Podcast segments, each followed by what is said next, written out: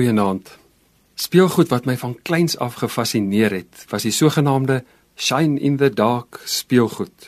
Dit werk mos so dat jy hou die speelding in die son of in 'n skerp lig en dan stap jy in 'n donker vertrek in en dan skyn hierdie speelgoed in die donker. En die ligskynsel neem egter met die tyd af dat daar later geen lig meer oor is nie.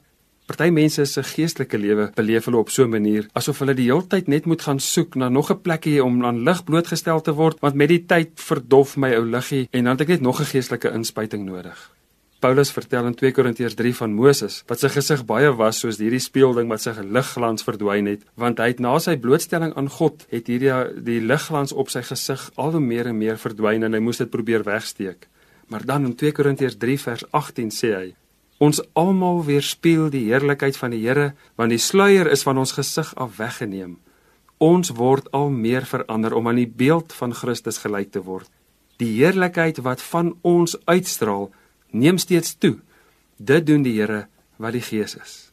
Asom rowende mooi teks wat vertel dat deur die Gees is die lig in ons altyd aan.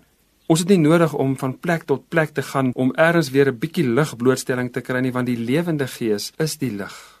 Sommige mense beleef hulle daaglikse lewe as anti-spiritueel, so teen die geestelike, die dag tot dag take en die moeilike verhoudinge en dit wat elke dag gebeur, is eintlik iets wat net my geestelike lewe se krag laat dreineer. Dis of die wêreldse.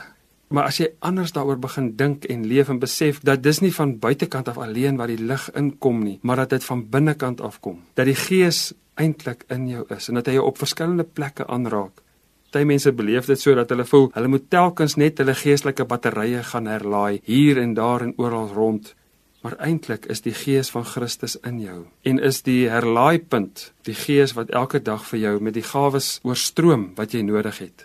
Miskien kan jy dalk nou vir 'n oomblik net stil word en net bewus raak van die Here se teenwoordigheid. Hy wat die lewende fontein is, hy wat die lig is, wat die ewige lig in jou aansteek en dat jy nie nodig het om in die buitekant eers te gaan soek na 'n inproppunt of 'n lig aan die buitekant nie omdat die ewige lig in jou is.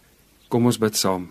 Here, ewige lewenslig, verdryf asseblief die duister uit my lewe sodat ek vir U kan skyn. Amen.